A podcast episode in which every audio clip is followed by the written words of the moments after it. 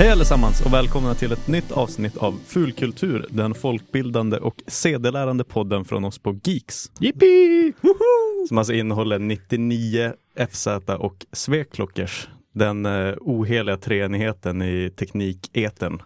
Den uh, gyllene mittbiten i vinerbrödet som är internet-Sverige. Mormors Mormors hosta. Japp, eh, med mig idag har vi Jocke Benett, Hej allihopa!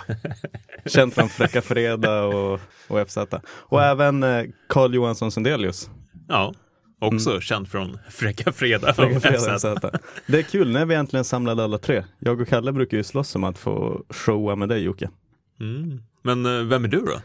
Det är jag som är Gustav Höglund, praktikant, demonpraktikanten på, på FZ.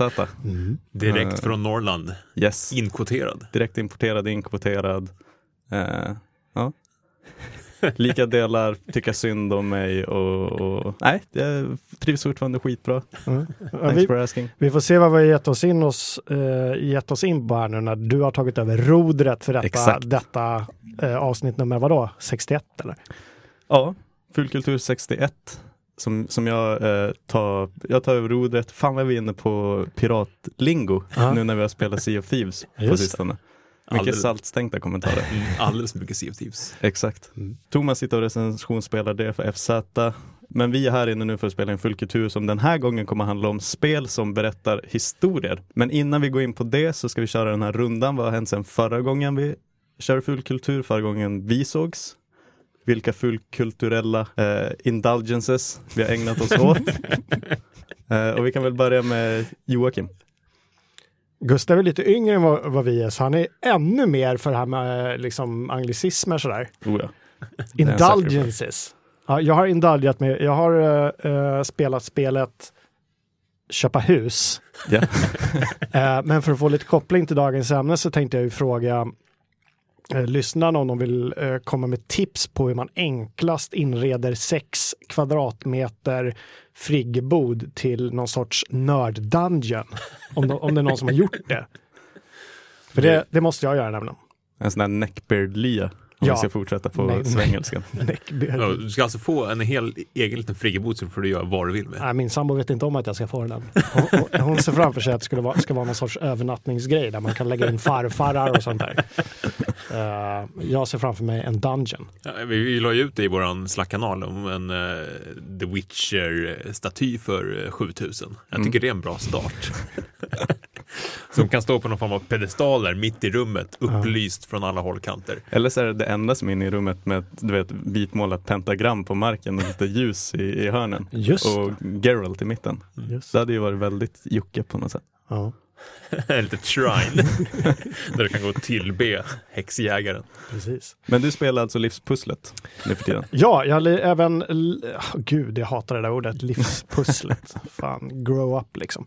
Men eh, vi har, jag och Kalle har spelat eh, A Way Out, Josef Fares eh, spel Mm. som kom eh, förra veckan blir det när det här, nej, ja förra veckan. 23 mars släpps 3 mars. Mm.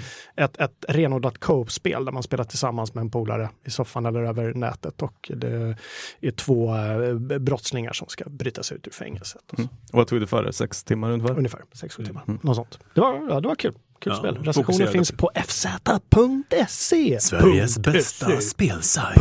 Japp. .se. Från Riksost. Vår nya jingel tror jag. Ja. Ja. Nej, men det, var, det var kul. Uh, väldigt liksom, fokuserat.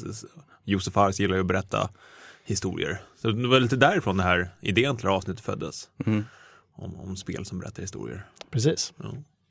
Way Out. Ja, han, han gillar ju att berätta stories, men han är ännu mer förälskad i olika spelmekaniker. Mm. Eh, och det där kan krocka ibland också. Lite grann. Så Mm. vi satt ju och pratade om det vi tre tänkte, hmm, det här låter som ett avsnitt. Mm. Så du kommer att komma tillbaka till, till det spelet, Mm. förmodar jag. Ja, ja, i, i spelverk så har vi kört det. Sen har vi kört väldigt mycket Sea of Thieves som vi pratade om. Det är ju nästan motsatsen till ett spel som försöker berätta en historia. Det är ju ett spel som snarare där, där spelarna skapar sina egna berättelser. Mm. Eh, Det kanske vi också går in lite mer på senare. Eh, men sen har jag kollat på tyska Lost. Va? Dark, Ah. en Netflix-serie. Dark, eller? Dark. Dunk, dunkel heter väl mörker på tyska, gör det inte? Dunkel. Ja, jag vet inte om den har en tysk titel. Jag tror den heter Dark. Det är lite töntigt att de inte tyskifierar. Ja. Nej, men jag blev, från början kändes det som en Beck-film i liksom produktionsvärde och skådespeleri var väldigt svajigt. Men den växte verkligen, Jätte, jättemysig serie som jag har saknat en, en, en sån liksom, Lost-serie som ställer lite saker på sin anda med tidsresor och roliga grejer. Jag hade svårt att hålla isär alla tyska män. De såg likadana ut i den, där, i den serien. De var ganska resliga allihopa och lite så här, de såg lite så här tyska ut. Som man tänker sig tysk. Lite Dolph Lundgren. Så. Ja, lite Ja, lite. så. Die Hard-skurkar. Mm. Ja. Du då Gustav? Kul. Eh, Jag har ägnat mig åt alla möjliga grejer. Jag har fulkulturat Copernicus av mig. Ehm, Jag har kollat på två säsonger Narcos, lite Drogas med Pablo Escobar. Vad är det de säger? Plata, Plata och plomo. plomo. Pengar eller bly, tror jag. Mm. Um, kikat två säsonger av det. Och så sen så har jag spelat 30 timmar japanskt rollspel. Uh, Nino Kuni 2, Studio Ghibli tecknade rollspelet. Finns också recension på fz.se, världens bästa spelsajt. Världens bästa spelsajt. Spelsajt från Riksost. Fan, det är lite, lite biased uh, samling av människor där inne. Ja, Uh, sen har jag också spelat God of War 3 Remastered som jag Ah. köpte on a whim till eh, mitt Playstation. Ah. Jag tänkte att jag ska spela det genom fyran. ja, alltså God of War var ju en av anledningarna varför jag köpte en PS2 Mm. back in the days. Det och Guitar Hero. De vill jag lira. Åh. Jag, men jag har nog faktiskt inte lirat trean faktiskt. Nej, Är det bra? men remastern är riktigt bra. Det syns att det är förra generationens konsoler. Men eh, det är en, en bra remaster vad jag kan säga. Mm. Allt flyter på som fan. Jag är riktigt sugen på nya God of War. Mm, Rebooten faktiskt. Någonting med settingen Ja. som verkligen tilltalar mig. Det så, i- jag gillar att de har sagt, jag har ingen aning om det stämmer där, och nu är vi inne lite på story också, att de Mm. ska liksom berätta hela spelet utan cutscenes och klipp. Utan Jaha. allting ska bara flyta ihop på ett bra sätt. Man ska ju tydligen kunna spela hela spelet från start till slut utan Mm. en enda loading screen eller cutscene Mm. eh, med en kamera som följer en hela vägen. Mhm. Men eh, det spelet kommer vi också komma tillbaka till Ja, lite senare. Men eh, det var rundan så vi kan väl gå in på, på dagens ämne som är just historier i spel. mm. Eh, på senare år så har ju det blivit liksom en självklar del av vad ett spel är. Det är klart att det ska finnas story. Mm. Ehm, men så har det inte alltid sett ut. Om man backar bandet tillbaka till Space Invaders och Tetris och den typen av spel så var det ju bara spel på sätt och vis. Ehm, Det finns till kanske- ett, eh, ett schysst citat från John Carmack, en legendarisk spelskapare på id Software som sa att eh, stories i spel är som stories i porrfilm. exakt. Ja, det, det stämmer jättebra, men å andra sidan, på den tiden så, så tror jag att eh, de av oss som kanske är lite mer lagda åt att drömma sig bort byggde egna historier kring de här Precis. spelen. Även om det bara var pluppar så kunde man tänka sig, åh, rymdvarelser som, alltså Mm. man byggde sina egna världar. För man ska göra skillnad på det, det som i, i branschen och i, i spelsammanhang kallas för lore. Mm. Historien kring spelet och världen och det som finns där i bakgrunden, lullullet. Mm. Och en aktiv historia, liksom handlingen i spelet. Mm. För lore finns ju i princip alla spel. En förklaring till varför är Space Invaders Mm. på det här sättet. En liten manual eller baksidan på fodralet eller Mm. Karaktärerna, namn, fienderna och liksom sin egen historia och sånt där. Mm. Men eh, om man tänker rent på liksom matiga historier Mm. så får man ju kanske traditionellt titta på rollspelen. Eh, som har sina rötter i pen and paper rollspel sen Mm. tidigare, Dungeons and Dragons och sånt där. Men eh, det har ju liksom, det har blivit en, en, en vanlig företeelse i alla möjliga spel nu. Shooters, rollspel, pusselspel. Det finns ju liksom alltid berättelser. I, i liksom mer eller mindre såklart. Alltså överlag känns det som att många spelgenrer har flyttat ihop väldigt mycket på senaste åren. Mm. En shooter är inte bara en shooter längre utan det är, den har rollspelselement, den ska ha en bra story. Man nöjer sig liksom inte med att den bara att det bara är ett bra vapen som man kan skjuta på fiender med. Liksom. Ser vi inte någon sorts tillbakagång där å andra sidan? Att, att spel kanske mer och mer börjar välja för man har märkt att men det går inte att ha kanske allting. Nej.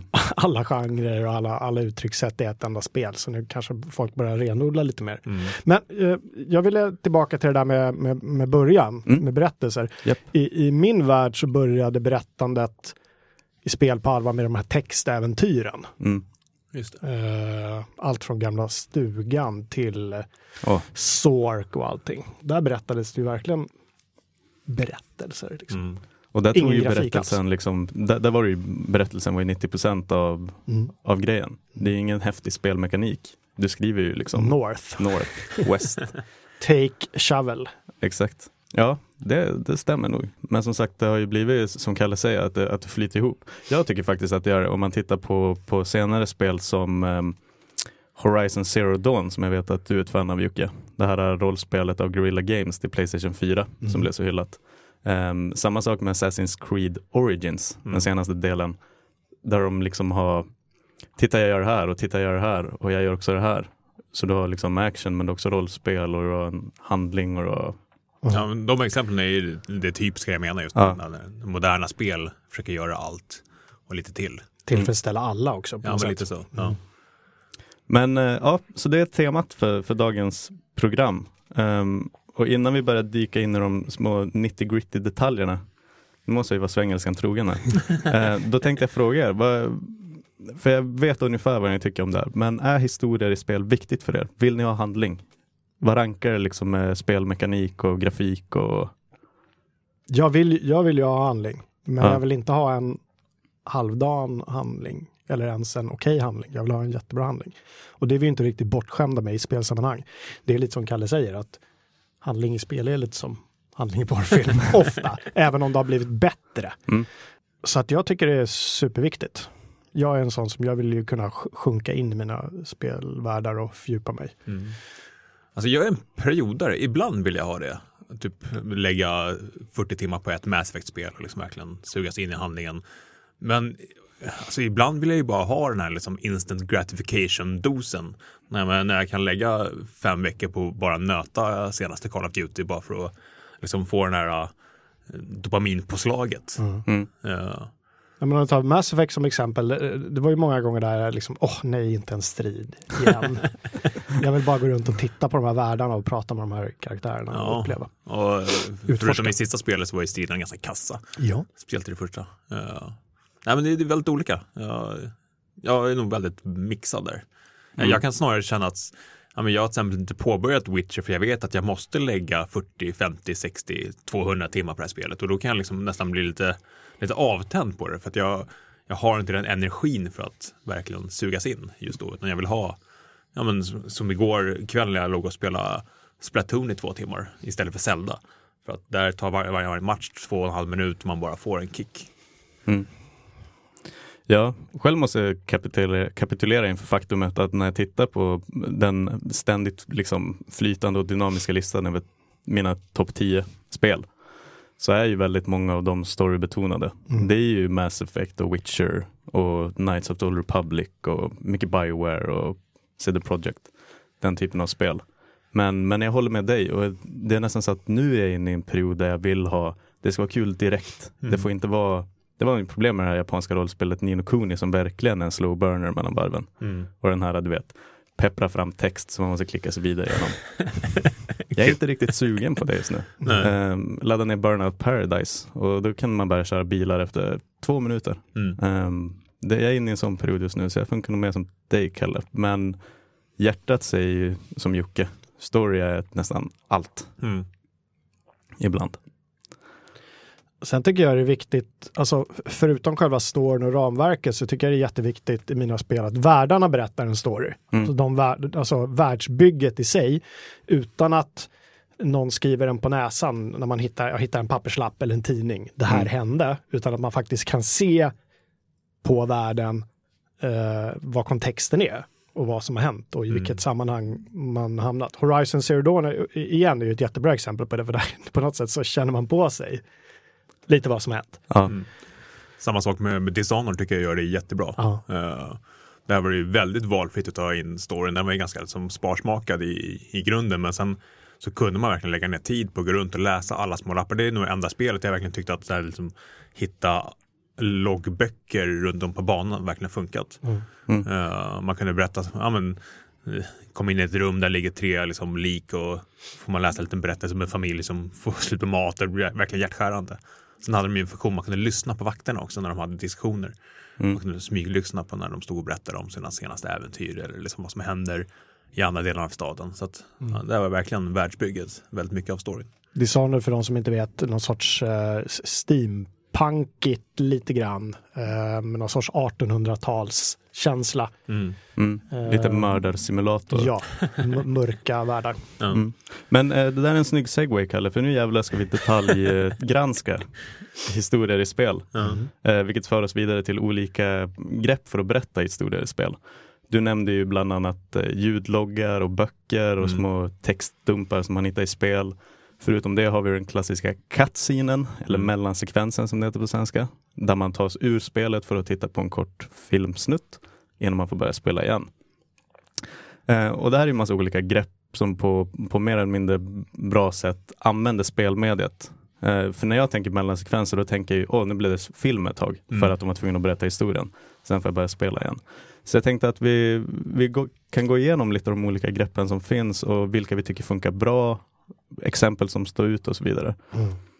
Ehm, för hur, hur känner ni kring det? För att ljudloggar, det ser man ju mycket i spel som liksom Bioshock-spelen. Mm. Och samma sak i Horizon. Det de har gemensamt är att de är postapokalyptiska Mm. spel på något sätt. Eh, Det har hänt någonting hemskt innan man kommer in i spelet. Och då byggs bakgrunden mycket av, av liksom ljudloggar, text Mm, mm, och sånt. Eh, Det känns som ett bra spel eh, borde kunna ha både sådana här ljudloggar som ligger, men du måste ändå kunna, är du en sån som inte gillar att gå och liksom lyssna på allting eller läsa alla små papperslappar så måste du ändå kunna förstå Mm. eh, sammanhanget. Det gör man ju i Horizon, även om, om vi som gillar att läsa får ut mycket mer av det, eller lyssna. Mm. Eh, Men i Horizon är ett bra exempel, för där kan du sätta på en ljudlogg och sen så kan du spela vidare medan det ljudet spelas upp. Du blir inte låst i ditt äventyrande. Ja. Eh, Och det är alltid en fördel. Eh, Det är precis samma sak som de här spelen som berätt, fortsätter berätta storyn och du kan röra dig fritt i världen när det är till exempel dialoger, att det inte blir en cutscene. Att Mm. du inte måste helt plötsligt luta dig tillbaka i stolen eller soffan och bara vara passiv. Mm. Det blir ett litet avbrott där jämt. Mm. Ja, det, är ju- det är ju alltid farligt att ta bort kontrollen från spelarna, för det är ju Ja. det spel gör bra, att det är ju man själv som är huvudpersonen. Så att så fort det blir en mellansekvens, det, ja, det känns väldigt känsligt. Och där var väl Half-Life ganska tidigt ute med, med att låta spelaren göra det, va? om jag inte minns fel. Ja, men där kunde du ju alltid gå runt under dialogerna. Och det de gjorde väldigt bra som, som många nog inte tänker på, det är just det här med att ögonen hela tiden följer dig. Just Du har hela tiden en kontakt med den som pratar. Mm. Så att det är inte bara någon som står och pratar ute i luften och bara känns disträ, utan de har verkligen en kontakt. För Half-Life, Half-Life 2 åtminstone är ett spel som helt saknar cutscenes utan allt utspelas i, i första person. Mm.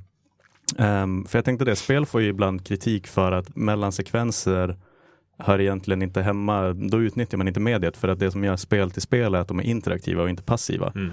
Eh, och att det missar man när man pausar spelet för att köra lite film för att föra handlingen vidare. Hur, vad, vad känner ni kring det? Alltså, det bygger väldigt mycket på, är mellansekvensen bra och liksom, blir man intresserad, Mm. då har jag inga större problem med att lägga från mig kontrollen och titta. Men är det liksom långdragen, alltså, Way Out drogs ju lite av det problemet ibland, att det var liksom väldigt långa mellansekvenser, man kunde inte hoppa över dem om man ville, så att man liksom blev låst i, i den utan påverkan. Då blir det väldigt, väldigt fort tradigt. Så att du du bygger väldigt mycket på varför finns mellansekvensen där, är det intressant, får jag hoppa över den om jag inte vill se den? Mm. Men för jag, för jag blir väldigt sådär, när jag ser ett spel som verkligen utnyttjar eh, mediet på ett bra sätt, då blir jag väldigt impad. Eh, för vi pratade om Bioshock lite grann innan. Mm. Eh, nu är jag ledsen för att jag spoilar ett tio år gammalt spel eller vad det nu är. Men eh, där är ju hela twisten i storyn att frasen “Would you kindly” är inprogrammerad i huvudpersonens psyke som någon typ av kommandofras. Så han utför alltid det som kommer efter “Would you kindly”. Mm. Ehm, och man har blivit följd av en person på, via radio som hela tiden säger “Would you kindly” och det är inget man tänker på som spelare för att vi är så drillade, vi som spelar tv-spel och dataspel, att göra det folk säger åt oss att göra. Sen kommer hela twisten där att vi har blivit lurade och det är någon typ av bryta fjärde väggen grej där man inser att det är inte bara karaktären i spelet som har blivit lurad att göra allt det här, Mm. utan även jag som Mm. sitter bakom spakarna. Sånt tycker jag är läckert. Blir ni också golvade när, när spelmakare hittar sådana där unika grepp? Det händer ju så sällan så att ja, det blir man ju ofta, Mm. vill jag påstå. Jag är ju så bitter över att jag blev spoilad om just den detaljen innan jag spelade. Så, bara, så att för mig blev det där mest en, en ren halvdan shooter. Mm. Men Men eh, vi, vi slänger oss med massa speltitlar. Vi, Ja. vi kanske ska dra lite snabb kontext till de spelen vi nämner. Mm. Bioshock, Bioshock också en sån här eh, postapokalyptisk eh, skjutarspel egentligen som utspelar sig under vattenytan i någon typ av utopia. någon sorts Eh, Ayn Rand-värld. Precis, eh, lite individualistiskt eh, sådär. Utopi som har gått åt helvete såklart. och man, man dimper ner i, ett, i en flygplanskrasch Mm. och hittar den här liksom eh, New York City-aktiga världen under vattnet. mm. Ehm, och där används ljudloggar friskt för att berätta vad som hände innan den här kollapsen. Eh, men då även de här, eh, som jag sa nu, Would you kindly-greppet som används för att berätta twisten i spelet. Mm. Men, men Bioshock gör ju det bra också att de eh, Precis, du dimper ner i en, i en flygkrasch. Mm. Det är ett ganska bra incitament för dig som spelare att, att vilja spela spelet. Jag tycker många spel gör felet att de kastar in en spelare och så sitter man och tänker varför ska jag göra det här? Ja. Vad finns det för drivkrafter? Och där är det så här, ja men överlev liksom. Det är en ganska bra drivkraft. Mm. Annars tänker man så här, men varför vänder han inte och går åt ett helt annat håll och gör något helt annat? Varför kasta sig in i det här? Det är, det är ju superviktigt i berättandet att det finns något liksom driv i, Mm. redan från ruta ett. Liksom. Men har ni några exempel, eh, någon av er, på spel där ni tyckte att det här gjorde de riktigt bra med att väva in historien i spelet? Att det fanns en sån drivkraft och att det funkade. Alltså den allra bästa, jag vet att jag tjatar om Witcher 3 väldigt mycket, men där har du ju den ultimata drivkraften. Eh, I, i rollspel eh, kritiseras, eller datarollspel kritiseras väldigt ofta för att så kallade fetch quests, att, Mm. att man ska springa och samla helt onödiga grejer. Just att varför gör den här karaktären det här egentligen? Det finns Mm. liksom ingen anledning annat än att kanske tjäna lite guld, men det, det är meningslöst. Men i The Witcher så är Geralt of Rivia en monsterjägare som rider land och rike runt och tar betalt för att slå ihjäl monster. Mm. Så redan där har du, ja men det är anledningen till att han är där. Så från ruta ett så, så, så känner man, ja men det är inget konstigt för mig att rida in i den här byn, byn fråga eller kolla om någon behöver hjälp, ta, ta Henoms pengar och sen åka ut och slå ihjäl en, Mm. dra, inte drake i det här fallet, då, men, men något annat. Så då finns det kontext till, Ja. till spelandet. Precis, Mm. Kalle ett då? ramverk. Alltså, ja, och det, ja. Josef Fares gör ju det här ganska bra, eh, både i, i Brothers och i Way Out, men jag tror jag gillade hans grepp mest i, i Brothers, när han liksom väver in, precis som i Bioshock, väver in spelmekanik med berättandet. Uh, där handlar det ju om, om två bröder som ger sig ut på äventyr för att rädda sin sjuka pappa. och Man styr båda två med en, med en gamepad med varsin styrspak. Uh, och det händer massa saker i spelet som gör att den här mekaniken blir en del av berättandet. Mm. Eh, precis som i Bioshock. Eh, och då, spel gör det alldeles för sällan, att använda just det spel är bra på, det interaktiva och att man själv styr karaktären till att berätta historien. Mm. Det, det görs ju även i Way Out till en viss del, men kunde ha gjorts mer. Jag vill, jag vill inte spoila allt för mycket i och med att det är ett väldigt nytt spel, men liksom finalen är ju ändå, det är ju en twist på det också, att den använder ju spelmekaniken som man har gått igenom hela spelet med och vä- och vänder på den och gör någonting oväntat med den. Japp. Ehm, vi ska rikta strålkastaren mot ett ganska välanvänd grej nu som, som har blivit liksom hyllad och eh, du vet, lite omtalad ökänd, ökänt grepp i spel, framförallt rollspel. Ehm, och det handlar om val i spel. Mm. Jag skriver punkten här Peter Molyneux-syndromet. Det är den här brittiska spelutvecklaren som, eh, som har gjort Fable-serien. Brittiska rollspel. Han är ju känd för att berätta, du vet att åh, hela världen kommer att reflekteras i dina val och allt du gör spelar roll. Mm. Eh, Men det är ofta en illusion av val. Och det här med, för det är ju någonting som spel har som film och böcker inte har på samma sätt. För de är ju passiva medier på det sättet att det finns en väg att gå Mm. Eh, från start till slut. Men spel har ju förmågan att vara dynamiska på det sättet att man kan få ett slut beroende på ett val man gjorde tidigare i spelet och man, man kan förändra lite hur historien går. Mm. Det är li, lite en vidareutveckling av de här gamla eh, böckerna som vi som är lite äldre läste nu ni, Mm. eh, när vi var små. eh, sån här, ensamma vargen och sånt där. Mm. Där man gör ett val, okej, gör du det valet, gå till sida 7. gör du det valet, gå till sida 9. Så gick man till sida 9 och stod det du dör. Mm. Så fuskade man och hoppade tillbaka där. Men det, det känns lite som eh, någon sorts grund för det där.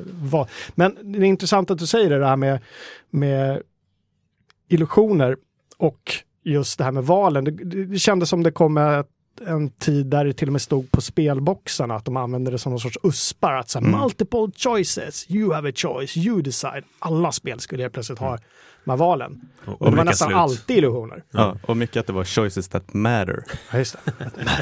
Det ska kännas i hjärtat, i själen. Men återigen, spontant, vad, vad tycker vi om den här typen av det som kallas för branching storylines? När valen spelar roll eller inte spelar roll. Alltså det, det är lite samma sak som de här mellansekvenserna. Det, för att man ska liksom lägga något värde i de här valen så måste de ju ha några konsekvenser. Ja, men som i första Mass Effect, man får välja så här, ja, ska den här karaktären dö eller ska den här karaktären dö? De kommer försvinna för resten av spelserien. Du måste välja nu vem av, du, vem av dem tycker du om lite mer. Mm. Och då får du ju verkligen konsekvenser som kommer kännas. Men menar, om jag får välja mellan ett, ett rosa svärd eller ett blått svärd, det ger ju liksom ingen, det ger ju ingen effekt. Sen tror jag att eh, spelarna lurar sig själva ofta att de tror att de vill ha många val. Men sen blir de alltid väldigt sura när de eh, fråntas delar av, av, av upplevelsen på grund av val som de har gjort. Mm. Förstår du vad jag menar? Man vill uppleva allt. Man vill uppleva allt. Du har ju pröjsat rätt mycket pengar, då vill jag liksom ha, jag vill ha hela paketet. Mm. Och det kan jag köpa. Den- Sen, sen är ju problemet precis som de här gamla liksom, böckerna med val att någon måste ju skriva alla de här sidorna, någon måste göra allt det här contentet. Och man förstår ju att det man, i, idag så det krävs ju väldigt mycket mankraft för att skapa ett spel. Mm. Så då kan man ju liksom inte hålla på och göra allt för många stora utsvängningar. För då, som sagt, då, då kommer ju kanske hälften av spelarna inte uppleva all, allt det här materialet som ni la ett år på att utveckla. Liksom. Nej, det finns ju undersökningar på det där. Eh, Nu har jag inga direkta siffror i huvudet, men som visar hur många som ens spelar klart olika spel. Att det faktiskt inte är speciellt många. Och hur många då är det som tar, tar sig igenom de här 20 olika sluten. Mm. Det är väldigt, väldigt få. Så frågan är om det är lite, lite så här pärleförsvinn. Och jobba med det. Vi pratade ju också om det här lite tidigare när vi, när vi, när vi satt och klurade på hur gör vi det här avsnittet. Eh, om det är slutet som spelar roll eller om det är resan dit som spelar roll. Då började vi tänka lite på de här Telltale-spelen. Walking Dead och, och The Wolf Among Us, alla de här. Mm. De pepprar en med illusionen av val hela tiden. Att Kalle kommer att komma ihåg det där. jätteobehaglig text att läsa första gången. Man var så här, åh nej, vad, vad, vad gjorde jag nu egentligen? Och, åh, okej, ja, det var hans son som dog, han, han kommer inte tycka om det här. Det här var ju dåligt, ska jag liksom ladda en sparfil sådär så man kan fuska precis som i blädderböckerna. Jag, jag gillar ju valen i Telltale, men det, det jag inte gillade var att de införde just det här att du har nu gjort ett val. Det här kommer Mm. få konsekvenser. Fruktansvärt, bara slets ut ur, ur handlingen och bara vad är det här? Mm. Det är bara ett spel liksom. Vadå, du, det kan väl jag få gissa mig till själv, vad som är viktigt eller inte, Mm. kan jag tycka. Men det där är en intressant detalj. För som Kalle sa, det blir otroligt tydligt i Mass Effect när de säger nu måste du välja karaktär A eller B. Mm. De följer inte upp det med att säga nu jävlar gjorde du ett val. Eh, du borde ha sparat innan. Nej. Eh, så de bryter inte illusionen på det sättet, men det är otroligt tydligt att man gör ett val. Mm. Vi satt ju och pratade om Witcher 3. Förlåt Kalle, men det, det blir så här. Jag är också ett jättestort fan. Ehm, när vi pratar om våra kärleksintressen. Det brukar också vara en het potatis när det kommer till val, speciellt i rollspel. Ehm, och vi pratade om, tog du flicka A eller flicka B? och, och det visade sig att den promiskuöse Jocke hade valt båda två. Och utan att veta att det skulle bädda för att då eh, slutar man ensam Ja. i slutet av spelet. Och det känns helt rätt. Ja, men där visste du inte om att du gjorde ett val. Du trodde att du gameade systemet kanske till och med. Ja, jag trodde, fast samtidigt så anade jag det. För känner jag CD Projekt rätt så finns det aldrig något, något svart eller vitt i deras Nej. spel, utan det är extremt mycket gråzoner hela tiden. Och, och jag kände att det här måste ju, det måste ju få en konsekvens. Där. Jag kan inte hålla på så här liksom. Eh, men intressant grej där också med Witcher. Du sa ju att du sitter och spelar om det. Jag kommer ju Mm. också spela om The Witcher 3 någon gång, men det är också kanske det enda spelet jag kommer spela om. Jag tycker väldigt illa om att eh, spela om spel och få olika slut. Jag har ju fått mitt slut. Ja, men Mass Effect var ett bra, bra exempel. Jag, gillade det slutet. Alla hatade slutet, men jag har fått mitt slut för det var ett slut. Mm. Och det var det som eh, eh, jag tänkte att utvecklarna, eller framförallt manusförfattarna, hade skrivit. Och då Mm. vill jag att de ska kunna stå för sin story där. Men sen där blev det massa debacle och de tvingade dem att skriva ett nytt slut och grejer. Och jag bara, vad är det för dumheter? Entitled Gamers. Det här, ja, precis, det här är vägen. Problemet när vi pratar om liksom det här med, med att liksom bryta illusioner av val, det tycker jag Mass Effect. Jag har ju svårt att, att släppa eh, vissa saker ibland och just Mass Effect blev en sån sak att när inte jag hade liksom galactic readiness 100% för att jag, då visste jag att ja, men då kanske det inte blir ett så bra slut. Men då hade jag hela den här mätaren att gå tillbaks till. Och just i, i det spelfallet var man tvungen att spela multiplayer till en början bara för att få liksom 100% liksom det, det bra slutet som jag inbillade mig. Mm. Så då blev det istället att jag inte spelade klart det. Mm. Då liksom, spelsystemet i sig gjorde att jag inte blev så sugen på att fullfölja. Nej. Nej, men bara vetskapen om att det finns eh, i, inom citationstecken bra och dåliga slut, Mm. får, då får jag lite sur så här, smak i munnen. Mm. Kan inte manusförfattarna tro så mycket på vad de skapar att de inte måste hålla ge, på ge olika options liksom? Mm. Eh, Och återigen där med Witcher, för vi diskuterade, du och jag fick ju olika slut i det spelet. ja. Jag tyckte att mitt slut var det absolut bästa som passade kontexten och jag kände att det här är helt rätt för världen. Mm. Men du hade ett lika starkt argument för, för ditt slut. Mm. Ehm, och där får man ju ge dem, jag vet att vi ger dem tillräckligt mycket cred i nuläget som det är, polackerna. Men det, det uppskattar jag också, liksom Ja. när det inte finns det där, du har slut A som är bra, slut B som var något halvbakat skitslut. Mm. Ehm, men och, återigen, det blir mycket termer nu. Vi kanske ska säga, nu vill jag inte dumförklara eh, lyssnarna, men Mass Effect, science fiction rollspel från kanadensiska studion Bioware som är Mm. otroligt kända för val i deras rollspel. Mm. Och där kan vi också påpeka att där är ju valen färgkodade i mångt och mycket. Man ser ju vad som är det goda alternativet och vad som är arselalternativet. Ja, precis. I dialogerna står det till och med om man ska vara aggressiv eller om man ska Mm. vara liksom passiv. Ja. Och så säger de saker man aldrig har tänkt sig att de ska säga. men det, man, precis, man använt lite dialoghjul för, för att välja liksom, Mm. olika. Det här är ett intressant sidospår. I ganska många rollspel så finns det ju oftast ett gott och ett ont val. Men vissa gör det till med en grej. Jag menar, I uh, Knights of the Old Republic som är ett Star Wars-spel, där kunde det ju uttryckligen bli antingen en god jedi eller en ond sith. Mm. Hur, alltså, jag, jag har jättesvårt för att spela ond i spel. Jag också. Jag, jag väljer alltid liksom det snälla, goda alternativet. Det hedrar dig. Jag har, också, jag, har också, jag har också svårt att vara en douchebag i Mm. spel. Uh, jag tycker så- lite synd om de här stackars... Man utsätter dem för sådana hemskheter med de här valen. Men, för, men ju- just också för att det ofta är, antingen är man ett jättegott val, åh Mm. jag ska rädda er och ge er alla mina pengar, eller jag ska mörda er. Finns aldrig någon sånt där, ja, men alltså jag skulle verkligen vilja hjälpa men eh, jag har en, en quest här. jag skulle Jag verkligen att behöva slutföra den, men jag kan hjälpa er lite på vägen. Mm.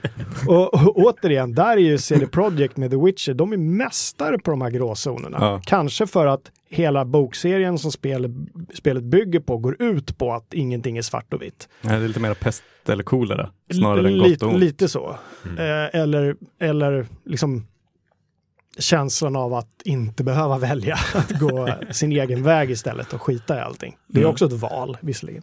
Ja, Någon gång i just Night of the Republic, där fanns det ju liksom en, en tydlig mätare på vilket håll man var, varit på väg. Ja, du får ju horn om du... Ja, men precis, det syns ju till och med på karaktären. Det är Mm. Likaså i Fable, ett eh, känt rollspel. Och alltså, så fort jag liksom råkade göra lite fel där så var jag tvungen att ladda om sparfilen så jag skulle Mm. kunna vara the good guy. Men, men det håller jag med, det var, det var en otroligt, otroligt frisk fläkt, just den här gråzonen, när man är så drillad av Biowares rollspel. Det är fortfarande några av mina absoluta favoritrollspel genom tiderna. Men just det här att komma till Witcher då och inte veta vad som kommer att hända beroende på, på mina val. För i Mass Effect är jag ju så säker på, väljer de blåa valen, då, Mm. då kommer allt att lösa sig. Eh, och alla kommer att vara lyckliga. Men var var det inte det som gjorde liksom, de första Telltale Walking Dead-spelen ganska liksom, uppmärksammade också? Att just där, där fanns inte heller något något bra val. Men det var zombie-apokalyps. Folk kommer dö. Precis, Det är ska, du du, som ska du måste välja. hjälpa eh, det- Jag minns en scen där du får välja, jag vet inte om det är första säsongen av eh, The Walking Dead. Det, det blir en, liksom en tidsmätare, du får välja, ska, ska jag rädda den där pojken eller ska jag hjälpa den där mannen? Mm. Eller den där kvinnan eller vad det var. Det är vä- väldigt sådär, du vet att den du inte hjälper kommer bli eh, brainsad. Liksom. Mm.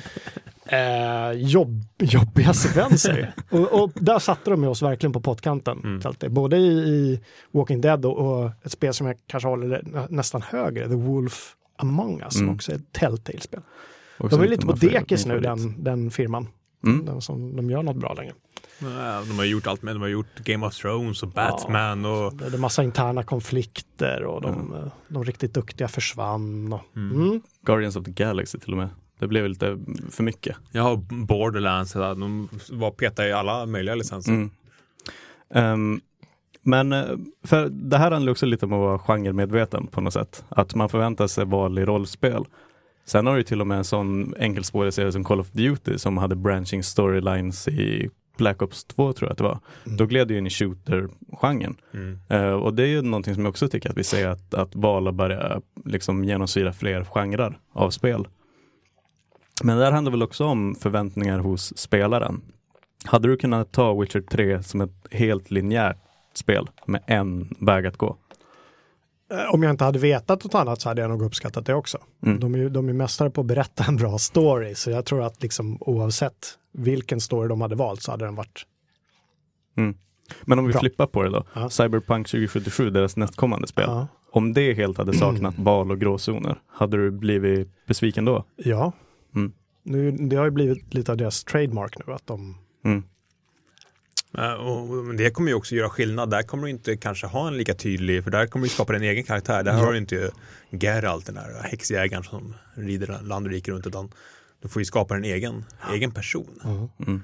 Jag undrar hur det kommer påverka liksom ens relation till, till storyn i övrigt. Om det blir som, som du var inne på förut, att liksom, varför gör jag det här? Mm. Mm. Ja, alltså ska de ha alla, alla olika klasser i det spelet också som finns i, i eh, papper och penna rollspelen så blir det ju verkligen den här hur ska de lyckas bygga en story genom alla de här vägarna. Du kan, Mm. du kan starta som någon sorts rik aristokrat eller som någon eh, slusk ute på gatan. Hur, hur, hur får de ihop det på ett bra sätt med Mm. sitt trademark-berättande? Dragon Mm. Age gjorde väl en sån grej, Origins va? Mm. Där kunde du ju välja liksom, klasstillhörighet och Ja. hade lite liksom, olika starter i spelet beroende på det.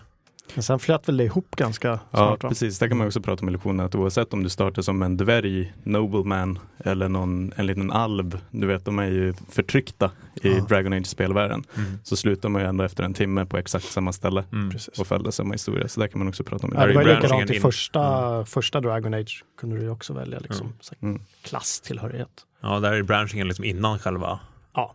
Mm. main-grejen. Ja. Mm. Men det är väl ganska vanligt att spel gör så att de har en sorts startplattform där du liksom eh, indulgar, nu börjar jag med det här. där du snöar in dig i, de, eh, i den klasstillhörighet du har valt och sen Mm. så liksom går man ifrån den plattformen och då kommer den riktigt linjära storyn igång. Liksom. Mm. Hörni, vi skulle kunna prata om val i spel exakt hur länge som helst, men vi ska Ja. gå, hamra vidare på nästa punkt ehm, som handlar om ludonarrativ dissonans. Direkt översatt. Det var ett sånt sjukt modeord inom spelskrivarsfären i Sverige för några år sedan. Det var någon eh, brittisk eller amerikansk spelskribent som hade snappat upp det där uttrycket för han hade läst en avhandling någonstans. Eh, Det har säkert funnits jättelänge i en massa andra sammanhang. Men sen skulle alla helt plötsligt börja skriva om det där. Ungefär som det var världens självklaraste uttryck som de har slängt sig med ända sedan de var små. det blev lite krystat. Men för, om vi ska, för jag ska eh, exemplifiera det med ex- det första gången som jag fick höra om den här typen av företeelser. Och det är från filmens värld. Tur att det är full kultur. Ehm, men eh, Quentin Tarantino-filmen eh, Reservoir Dogs. Där har du ju Michael Madsen som ska tända eld på en polis och allting är otroligt brutalt. Men låten Stuck in the middle with you spelas i bakgrunden och han dansar väldigt glatt där. Eh, och att det blir obehagligt för att den glada musiken och den brutala handlingen inte synkar. Eh, men i spelens värld så är ludonarrativ dissonans då det här när gameplay, själva spelmekaniken och historien som spelet berättar säger två olika saker. Ja, men precis, i filmens värld så kändes det ju där som det är ett medvetet grepp. Precis, för Medans att skapa obehag. I spelen så är det vi, vi, vi kan inte göra det bättre, vi Nej. vet inte hur vi ska lösa det här problemet. Så det blir den här, eh, det här Mm. glappet liksom. Spel måste vara spel för att vara spel. Ja. Precis. Ehm, och då tänkte jag ta ett av de mest kända exemplen som vi har pratat väldigt mycket om. Det är de här äventyrsspelen Uncharted från, från Naughty Dog. När man spelar den här väldigt uh, happy-go-lucky protagonisten Nathan Drake. Mm.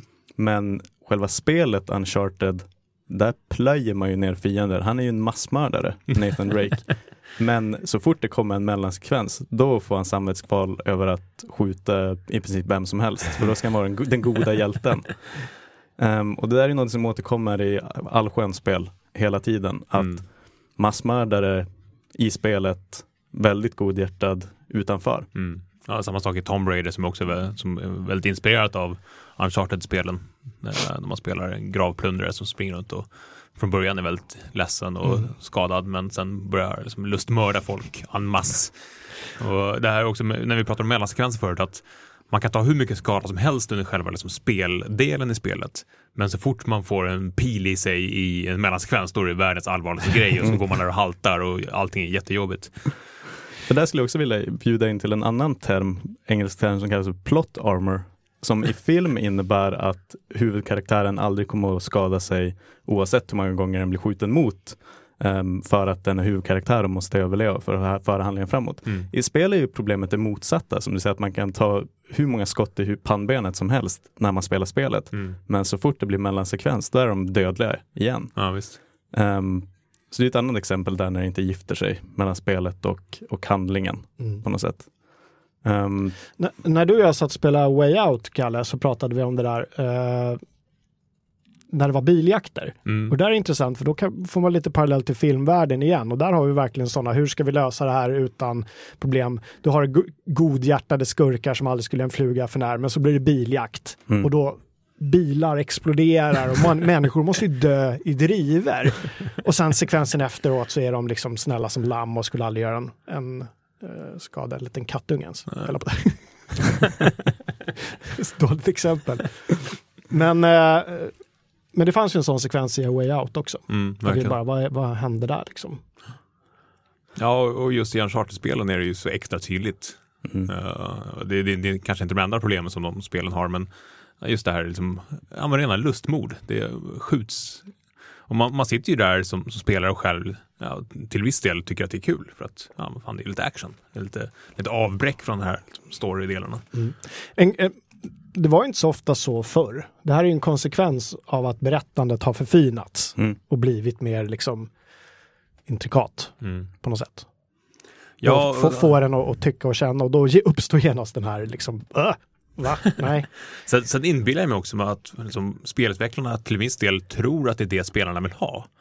Att folk som, som köper Uncharted vill ha liksom, de här actionmomenten. De vill känna sig som en cool hjälte som springer runt och liksom, skjuter och hoppar och studsar.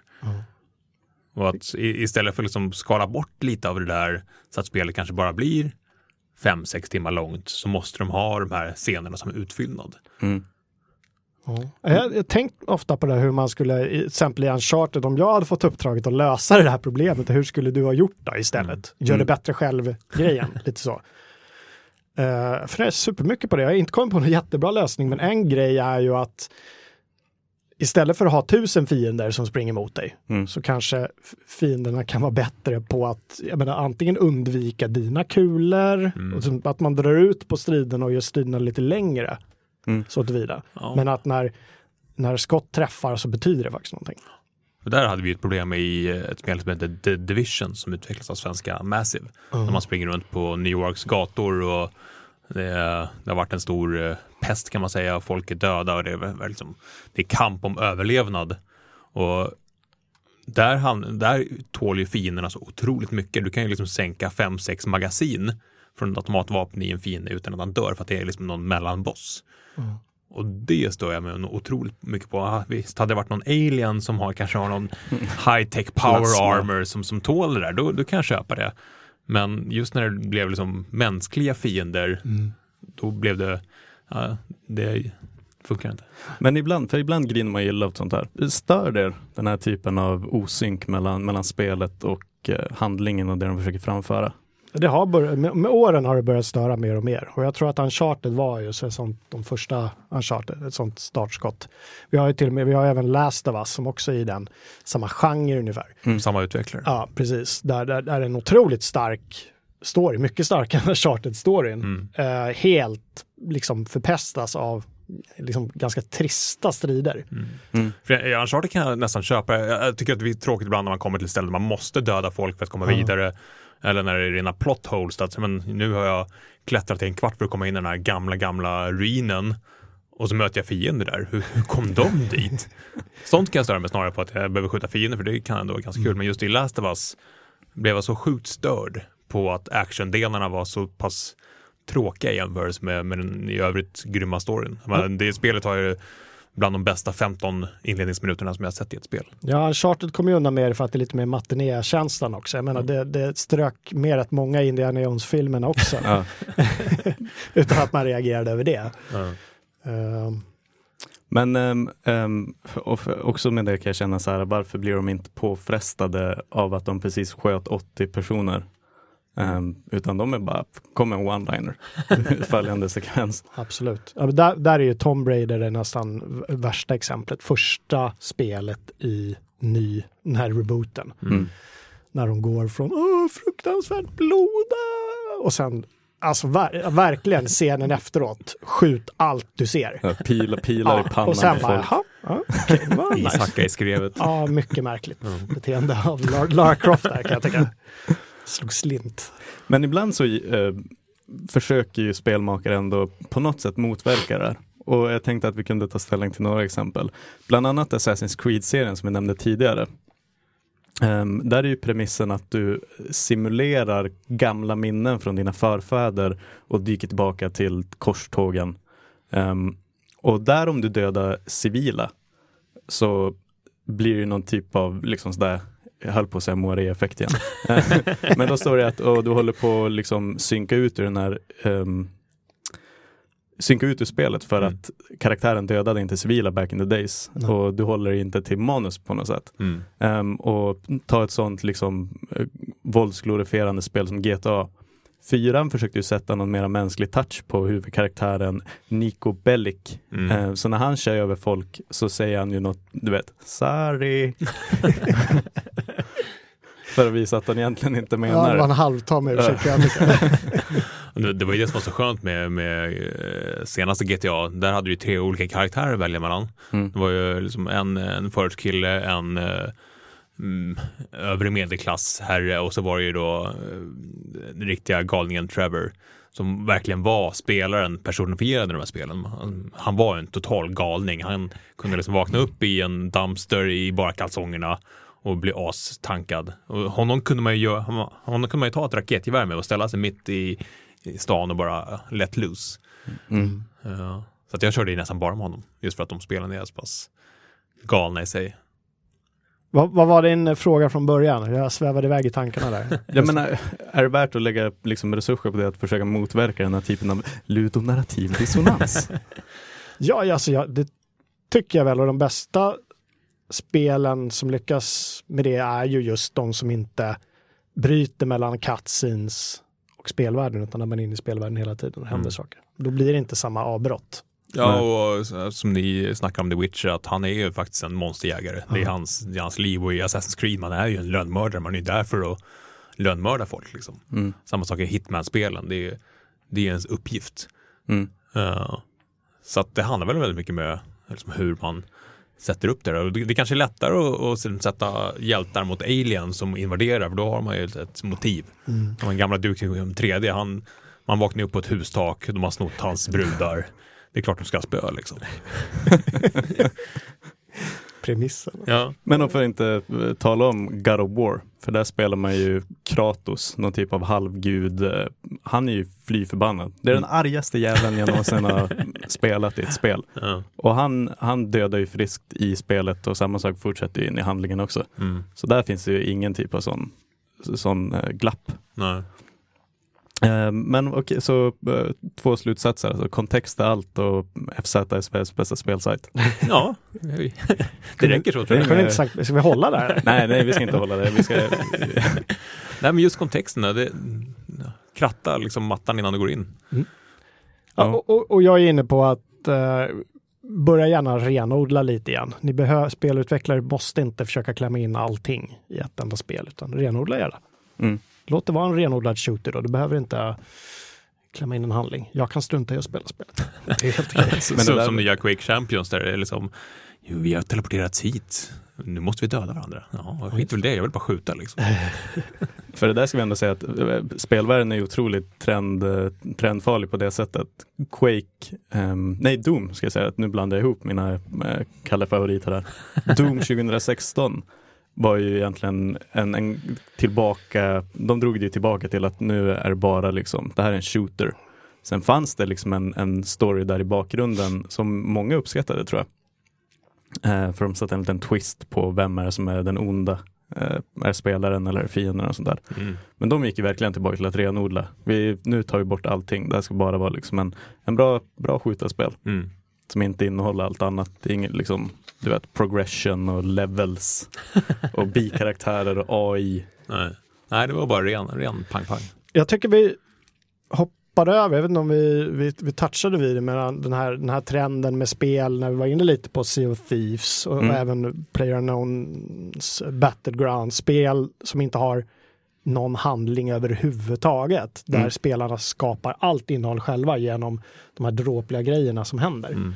Eh, och som, alltså det är ju väldigt sällan som man står länge vid kaffeautomaten och diskuterar just den där eh, sekvensen i Mass Effect, handlingsmässigt. Åh, det manuset, kommer du ihåg vad, vad hon sa då? Mm. Men de här spelen kan vi ju diskutera flera dagar utan att tröttna och berätta om våra upplevelser. Åh, kommer du ihåg när vi smög där över, över kullen och de låg i bakhåll och det kom en bil och tutade för att dra bort vår uppmärksamhet etc. etc. Kommer du ihåg det där fallskärmshoppet ner där? Mm. Kommer du ihåg när Gustav dödade mig med en kruttunna? Ja, just det. Det är preskriberat. Ja, och, och där, alltså, när utvecklarna lyckas få till det, det är då de har en smash hit. Liksom. Mm. Men okej, nu ska jag göra lövet på 99 glad här och hålla mig till, till, till svenskan. Ehm, är det där någonting som har med en, spel, en spelarspel och fler spelarspel att göra? För nu pratar vi om det här med emergent gameplay som det kallas, när, när spelaren själva skapar historierna och minnena och ögonblicken. Så jag vet inte om det har någonting med multiplayer att göra. Det, det finns ju hur många MMO som helst som är jättestorytunga, men Mm. där du samtidigt skapar dina egna äventyr också. Men å andra sidan finns det några en, single player-spel där du kan komma på som är smash hits utan story. Svårt alltså. Mm. Tror inte det. Man vill ju dela det med någon. Ja. Sådana grejer. Mm. Det är klurigt det där. Ja, det är väl Tetris då kanske. Smash hit. Ja, men it där, nej, men där spelmekaniken är så pass renodlat så att det är det som folk snackar om. Ja, men Mm. Typ Flappy Birds, världens enklaste spelidé men som blev liksom en monumental hit just för att det hade, ja, men det, det erbjöd någonting som inte andra. Men vi, vi har hoppat på plattformar i 30-40 år, vi har skjutit vapen. Alltså för att spel ska bli en smash hit idag så måste du göra någonting nytt. Mm. Ja, men, ja, som, som Minecraft hade ju ingen story. Det var ju det är precis samma sak som vi pratade om Sea of Thieves och det här. Där satt du ju mer eller mindre och spelade själv, Mm. men du skapar din egen, din egen agenda. Mm. Ska jag bygga det snyggaste huset eller ska jag gräva mig längst ner i marken? Och vad hittar jag där på vägen? Ja. Du måste erbjuda någonting som, som vi inte har sett förut. Men det kanske också blir någon typ av, är vi överens om det då? Att ehm, det finns både spel som är ordentligt bra med linjära handlingar, det finns spel utan handling alls som gör den grejen minst lika bra på den fronten. Ehm, lite live and let live, att du kan både ha favoriter som är otroligt skriptade, favoriter som inte är skriptade och allt Abs- däremellan. ja, absolut, Mm. det, det köper jag. Mm. Samtidigt gillar jag den mellanvägen allra bäst när det är liksom man leds av att de som har skapat spelet faktiskt har en tanke bakom det lite grann. Mm. Eh, men att man samtidigt får upptäcka liksom, lite på sitt sätt. Ja, och det, här, det är ju otroligt svårt för, Ja. för en spelutvecklare. Menar, vi har ju inte rört till exempel bandesign någonting alls, men hur man kan berätta. Vi var ju lite inne på det med världar, men hur, hur får man folk att faktiskt hitta den här uh, audiologgen som de har lagt ändå tid och energi på att skapa? Precis. Hur, Och hur triggar man en, speciellt i de här öppna världarna som är så populära, eller semi-öppna världar, hur triggar man som spelutvecklare och manusförfattare ett event vid just rätt tillfälle när spelaren ändå känner att jag kommer dit av en slump. Mm. Det måste vara fantastiskt svårt. Men där ska jag faktiskt säga till lyssnarna att jag kommer att lägga till i tipslistan um, en kanal på Youtube som heter Game Makers Toolkit. Mm. Han visar hur duktiga Naughty Dog är på det här. Um, för där får man ofta illusionen av att man kan springa egentligen var som helst, men man guidas ändå alltid av någon magisk hand dit man ska. Mm. När man springer över hustak och är i grottor och sånt där. De använder allt möjligt från ljuskällor till fåglar som flyger Ah. dit du ska och väldigt mycket sådana subtila effekter. Så de är, de är duktigare än vad man tror, för mycket syns ju inte. Nej. Och det är därför det funkar. Mm. Eh, Men det kommer finnas i tipslistan. Eh, Men jag tänkte innan vi håller så ska vi faktiskt eh, sätta oss på pottkanten, oss själva. eh, Och kolla på våra personliga historiefavoriter i spel. Eh, Om man inte har någon klockren sådär. eh, Jag gissar att Jocke eventuellt kanske har det. Ja, fa- fast vi kan väl hoppa över The Witcher 3 helt. Det har vi redan utsett till Mm. världens bästa spel någonsin. På andra plats. På andra plats, ja, alltså jag gillade ju verkligen storyn i Red Dead Redemption. Mm. Och där tycker jag de lyckades med just den här känslan av att, ja, men, oj, vad, hur hamnade jag här och hur triggade jag den där eh, händelsen? Supersnyggt. Och så här oväntade vändningar. Eh, sor- sorgsamt så det, så det räcker att bli över, men ändå eh, liksom gladlynt action. Det blev ju så sjukt hyllat för sitt slut det där spelet. Ja, Och jag kan inte riktigt köpa det. det var bra, tycker jag. Bra, men alltså, folk blev ju verkligen så här, men låg på marken och grät. Ja, men, ja, men spelare har ju en viss tendens att överdriva lite grann. Så här, här, Ja, men det kanske var det, för att jag, men, alltså, jag, jag, det var ett förväntat men bra slut. Ja, det byggde ju upp, stämningen byggde, byggdes upp ditåt precis hela tiden. Ja, verkligen. Ja. Mm, mm. Horizon har vi pratat om också. Mm. Superbra story. Jag har inte spelat klart det än fortfarande för jag har inte köpt min den där PS4 Proen som jag är ute efter.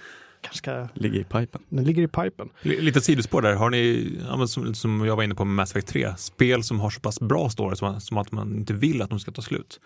Jag vet att du har, för att inte nämna Witcher igen, du pratar om det igen, att du inte vill att det skulle liksom du vill inte att, det, att den bra resan skulle vara över. Ja, fast det är nog, jag skulle nog vilja säga att det är bland, det kanske finns något mer, men nästan det enda spel där jag känt att nej, men jag skulle kunna fortsätta precis lika länge till. Mm.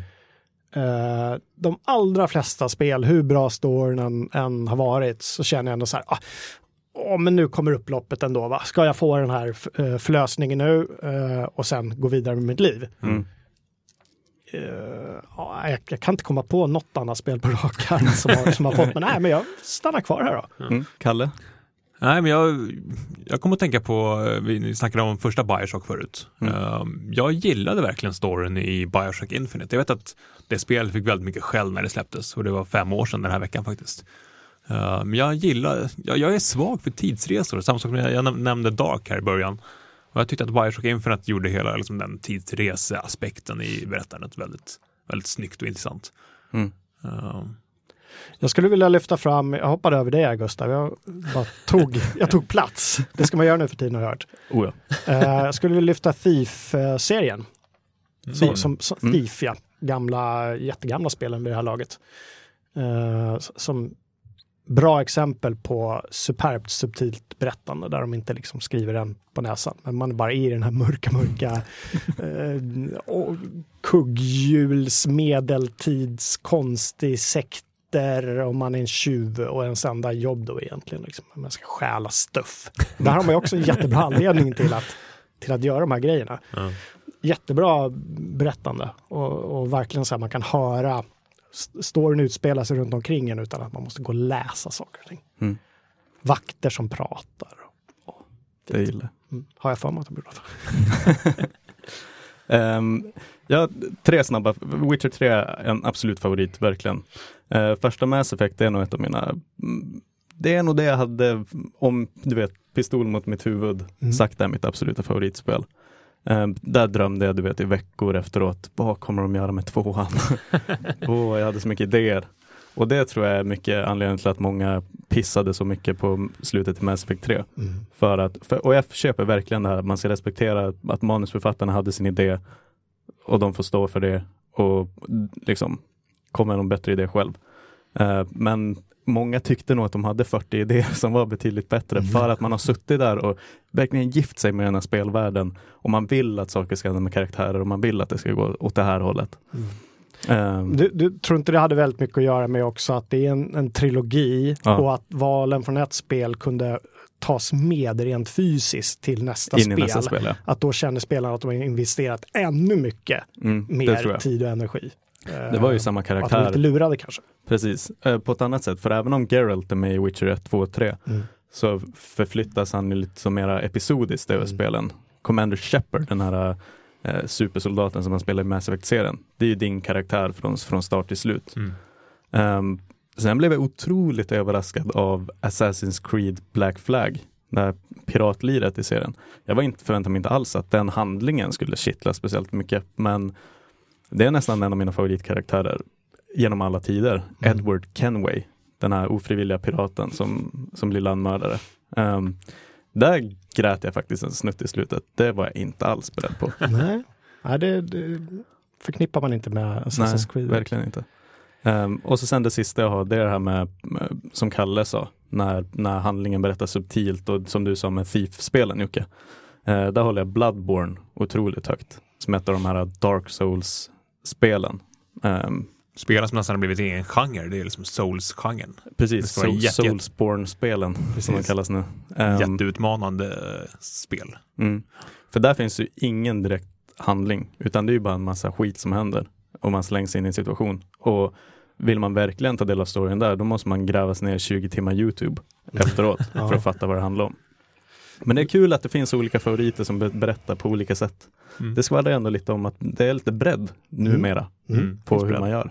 Får jag, jag, får jag snabbt lyfta fram ett annat spel Oh ja. som jag tycker gjorde berättandet på ett, på ett ganska nytt och fräscht sätt. Det är ett plattformsspel som heter Bastion. Mm. Eh, där du springer, ja det alltså ganska traditionellt plattformande med, med pussel. Men där du har en berättarröst som i realtid uh, berätt, för handlingen framåt. Mm. Eh, jag har inga konkreta citat, men exempelvis om du gör något dumt och råkar hoppa ner från ett berg och dö, så berättar den, oj, där, där hoppade hjälten ner. Ja, det är på det den den raspiga raspig- jump Precis. rösten som liksom Ja. berättar alltihopa. Eh, jättesnygg lösning på att, att få in en, en, liksom en handling i det här eh, ganska enkla plattformsspelet. Återigen ludonarrativ dissonans. Mm. Att där tar de ju, ja, nej jag hatar också den där, det där begreppet. Men där har de ju det i åtanke att spelaren kan när som helst bara slänga sig av banan. Um, mm, det tycker jag är snyggt. Ja, det är ett bra grepp. Jag skulle lyfta fram uh, Quantic Dreams spel. Eh, franska studion med David Cage i, i fronten. Eh, de har gjort Fahrenheit, Heavy Rain, Beyond Two Souls och snart släpper de Human. eh, nej, Detroit, Detroit Become, Human. Ehm, jag spelade deras Heavy Rain precis när jag hade blivit pappa själv och det handlar ju väldigt mycket om en pappa som letar efter sitt barn. Och där hade de ju verkligen försökt att leka med det här med att huvudkaraktären kan faktiskt dö. Mm. Och du gör en massa olika val i spelet och du kan faktiskt misslyckas. Jag, jag, jag misslyckades faktiskt. Jag, jag hann aldrig fram till mitt barn i slutet som låg i en, i en brunn och drunknade istället. Fastän jag hade liksom Jesus. skurit av mitt finger framför en kamera och gjort massa hemska saker bara för att liksom komma dit. Men jag, jag, spelet tillät mig att misslyckas och det tycker jag det är verkligen en upplevelse som jag bär med mig. Och till och med att jag, jag lät en av huvudkaraktärerna dö bara för att liksom, ja men gamea systemet, kan den verkligen göra det? Ja visst, den var borta ur storyn sen. Så att I Have Rain är verkligen så här ett starkt storyminne i, i spelvärlden för mig. Mm. Återigen, vi kommer att fylla tipslistan med, med alla de här alstren. Absolut, och i den tipslistan kommer Planescape Torment finnas med för någon som inte har hört talas om det. Så gå in och, och eh, googla på det. Det Gammalt är hundratals timmar av, av bra historier i spel. Ja. Och så säger jag Max Payne också. Host Max Payne. Ah, Bra just det. story, bra handling, bra Första lösningar. Serierutor emellan istället för mellansekvenser. Mm. Snyggt. Väldigt snyggt. Gjort av finska Remedy. Som har någonting i pipen också eh, faktiskt. Ja, Det kanske kommer... De, de försökte göra det med, med liksom mellansekvens som egentligen var en tv-serie med sitt senaste spel, eh, Quantum Break. Mm. Men det föll väl inte så riktigt god jord hos spelarna. Nej, det funkade sådär. Ja. Det gjordes det bättre i Alan Wake tycker jag. Ja, just det. Mm. Mm. Det här var också ett, ett spel med en del storyvändningar som, Mm. var, som var bra. Mm. Mm. Men det jag ville komma till var att de, eh, de teasade någonting på Twitter igår. Det var någon medarbetare där som sa This is the biggest day ever on Remedy. Ehm, så det kan hända att vi spelar in det här i de skälvande minuterna innan de gör det största spelsläpp någonsin. Oj, Ja, spännande. och eh, om eh, några månader är ju E3-mässan en väldigt stor sak i, i spelvärlden. Se vad, vilka story-spel som avslöjas där. Mm. Vi har mycket gott framför oss. Vinnie Caravella på Giant Beastcast, han brukar alltid säga att it's the best time to play games. Det håller jag kanske med om. It's the best time for stories in video games. Ja, det Mm. är alltid the best time to play games, Mm. säger vi på succésajten FZ. Världens bästa spelsajt. Som är en del av Geek som också har 99.se och sveklockers.com, den Ja. internationella bästen Precis. för överklockning och ehm, katter i roliga hattar. Bra tagline för dem. Mm. Katter i roliga hattar. Klockning och katter i hattar. Eh, men eh, där kanske vi sätter, sätter P, sätter punkt och går och gamea lite. Ja, det kan vi göra tycker jag. Vad ska vi, vad ska vi spela i veckan? Jag tror att det blir lite mer Sea of Thieves faktiskt. Mm. Ja, jag är inte riktigt klar med att, att sänka andras båtar och sno deras skatter. Jag vill spela Far Cry 5 som släpptes igår. Mm. Vi spelar in det här på en eh, tisdag Det- för transparens. Mm. Ehm, Ett spel som, som verkligen sätter fingret på lite av nutidens eh, problematik med galningar som får alldeles för mycket makt. Där kan vi ju täppa in i en historiespel som verkligen riffar på, på verklighet eh, och ak- aktualitet. Mm, verkligen. Nej, jag ska spela mera God of War tänkte jag. Jag är supernöjd med mina timmar i Sea of Thieves. Eh, spelade en timme Far Cry 5 igår också och höll på att gå bananas eh, över allt som hände. Mm. Det är ett spel för en actionstinne Ja, det är ju inte jag direkt, men jag har ändå någon konstig dragning. Men jag kanske gör som alla andra Far Cry-spel de senaste åren, att jag spelar två timmar, sen så glömmer jag det. Mm. Mm. Dagens, svengelska, dagens svengelska började med att jag sa till, till Jocke och Kalle att jag hade liberatat en outpost. och Jocke tyckte att nu är svengelskan över alla gränser. Nu har det gått Nu har det gått alldeles för långt. Too far. Eh, ja, vi på Förvulkultur säger tack och hej för den här gången. Jättekul att ha er som lyssnare. Um, hör av er, feedback, eh, tack mail, allt sånt skit. Like Uppskattar and vi. subscribe. Jepp. Och bra, bra premiär för dig som programledare tycker jag. Tack, jag svettas ymnigt. Ja, härligt, det kan bero på att vi står i en väldigt liten studio som är min, nej, nog mindre än den här sex kvadraters stugan jag ska inreda. Det blir en följetong tror jag. Ja, Mm. Kanske. Neckbeard-lien. Ja men du, tack så mycket, trevlig helg, trevlig vecka, trevligt allt. Hej då! Hej då!